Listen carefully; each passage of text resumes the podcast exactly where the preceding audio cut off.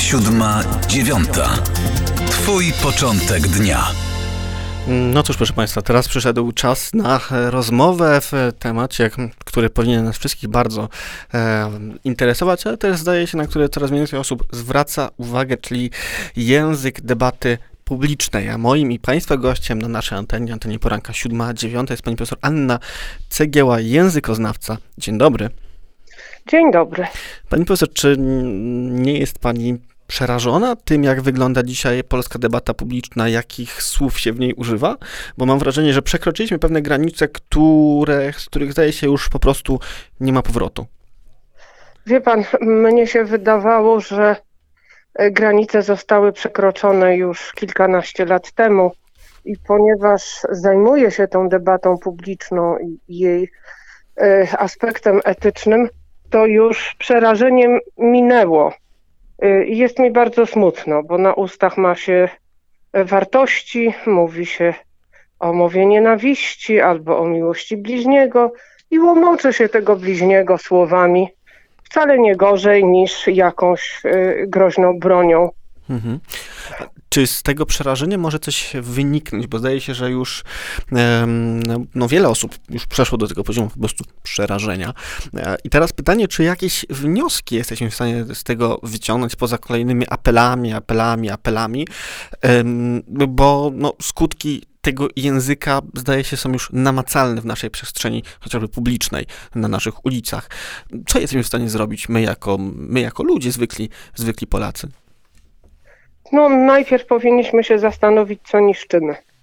Niszczymy możliwości porozumienia się i porozumiewania się w obu aspektach y, na wszystkie tematy, bo mhm. Y, nie można mówić o ważnych sprawach językiem rynsztokowym, a już taki się pojawia w debacie mhm. publicznej.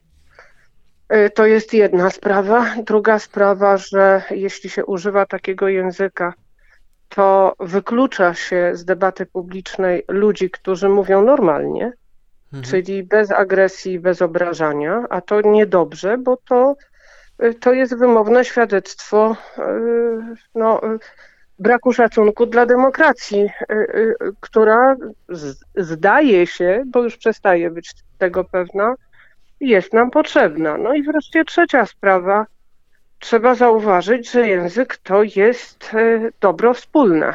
Mhm. Tak samo jak przestrzeń medialna, jak w ogóle przestrzeń publiczna. To jest dobro i pana, i moje, i wszystkich innych ludzi, którzy tu żyją. Mhm. E, więc, e, więc pora na to, żeby sobie uświadomić, co się niszczy, bo oprócz możliwości porozumienia niszczy się jeszcze inne rzeczy, które są nam potrzebne i może to nas otrzeźwi. Jest mhm. taka szansa. Już dziś mignęło mi gdzieś e, e, jakieś e, wyniki badań. Polacy tego języka wcale nie akceptują. No owszem, no, to jest pewna swoboda, ale przede wszystkim swoboda emocji, a nam jest potrzebna raczej swoboda, albo może lepiej wolność myślenia racjonalnego, a nie wolność wyrażania emocji. Emocje nas e, nie poprawią nam życia. Mhm.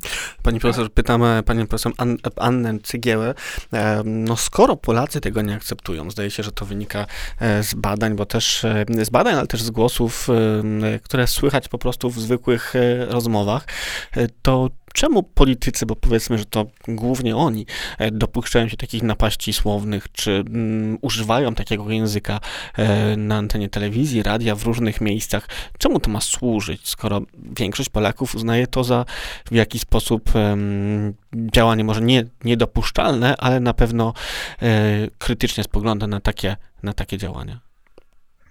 Wie pan, ja myślę, że tu jest kilka poważniejszych problemów to znaczy, y, po pierwsze, jeśli dziennikarze pytają, co pan o tym sądzi, mhm. takie pytania najczęściej zadaje się politykom, no to on mówi o swoich emocjach i przekonaniach. Mhm. Gdyby dziennikarze pytali o fakty, czyli a co z tego wynika, y, jakie będą skutki jakiejś ustawy, a dlaczego chcecie tę ustawę y, uchwalić, to być może odpowiedzi byłyby troszeczkę inne. Mówiłoby, mhm. się, mówiłoby się o sposobie myślenia. Poza tym, no cóż, no politycy też ludzie i też jakoś przeżywają to, co robią.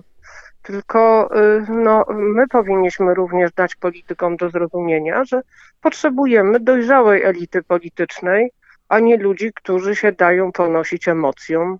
Bo z emocji wynikają również błędy, więc no, nie oceniając wprost, y, chyba nasi politycy mają słabe nerwy.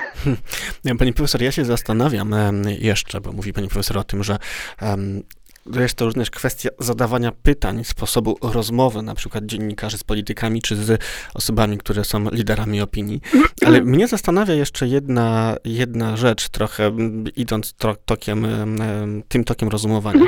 Czy to nie jest tak, że język debaty publicznej pauperyzuje się w chwilach kryzysu? To znaczy on się pauperyzuje i zaostrza w momentach, które są momentami przełomowymi czy kryzysowymi e, w historii. No, pani też bada język debaty publicznej w jakimś jakimś ujęciu historycznym. Zastanawiam się, czy to e, da się na takiej osi czasu w jakiś sposób ułożyć, że język staje się coraz ostrzejszy w momentach narastającego kryzysu wartości, kryzysu społecznego, kryzysu ekonomicznego.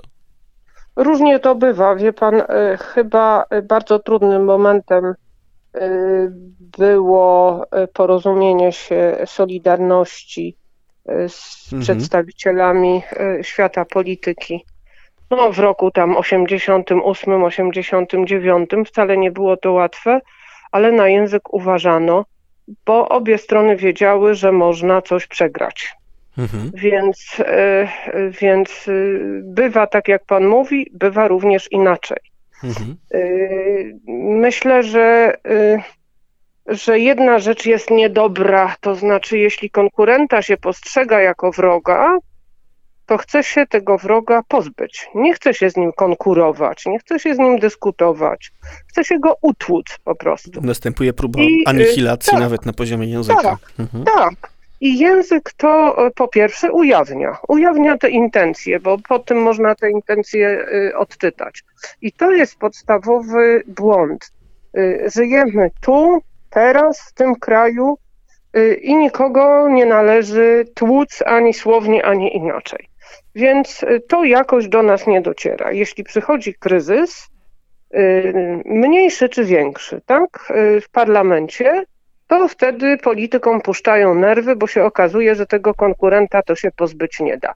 Więc ma Pan rację, tylko te sytuacje kryzysowe, one się powtarzają i one się będą powtarzać, bo są no, nasza demokracja jest młoda, to jest jedna sprawa, a po drugie, no, mamy różne nowe problemy, na które politycy nie byli przygotowani, ludzie nie byli przygotowani y, i, i wtedy rzeczywiście emocje biorą górę nad y, racjonalnym myśleniem. Tak, to, to jest jedna z przyczyn. Druga to ta to y, patrzenie na drugiego człowieka jak na wroga, którego trzeba usunąć, taka jego też dehumanizacja Skoro mhm. nie nasz, to można stosować wszystkie sposoby, y, dobre i niedobre, byleby były skuteczne. Mhm. Ja też widzę, wie pan, y, inne błędy, no powiedzmy nie, y, językoznawca się tym specjalnie nie zajmuje, ale nie mamy dobrej ordynacji wyborczej, skoro do Sejmu może wejść ktoś, kto zyskał 3000 głosów, a nie może wejść ktoś, kto zyskał 12. Mhm. Więc no, jest trochę tych polityków, powiedzmy, pseudopolityków, przy, przypadkowych ludzi w parlamencie, którzy też tę debatę bardzo psują. Mhm. Na różne sposoby. No, oczywiście. Zdaje się, że naszą mm, dzisiejszą poranną rozmowę pani profesor wypada e, skwitować takim stwierdzeniem, że język kształtuje rzeczywistość i to, że mamy taką, a nie inną rzeczywistość jest wypadkową języka, którego używamy w debacie publicznej, ale też język, którego używamy jest wypadkową tego, że e, nasza rzeczywistość polityczna mm, jest taka, jaka jest. Chyba przerasta trochę ludzi, tak. A ponieważ język wpływa na myślenie, no to, to niestety y, tu będziemy mieli reakcję zwrotną. Jeśli nie zmienimy języka, to będzie nam tylko gorzej. Hmm. Czyli pamiętajmy, proszę Państwa, o tym, że dbałość o język y, jest dbałością o nasze otoczenie, o rzeczywistość, o naszą rodzinę, ale też o państwo, y, o które po prostu dbać powinniśmy. Bardzo dziękuję. Pani profesor Anna Cegieła była moim i Państwa gościem. Do usłyszenia. Dziękuję. Siódma, dziewiąta. Twój początek dnia.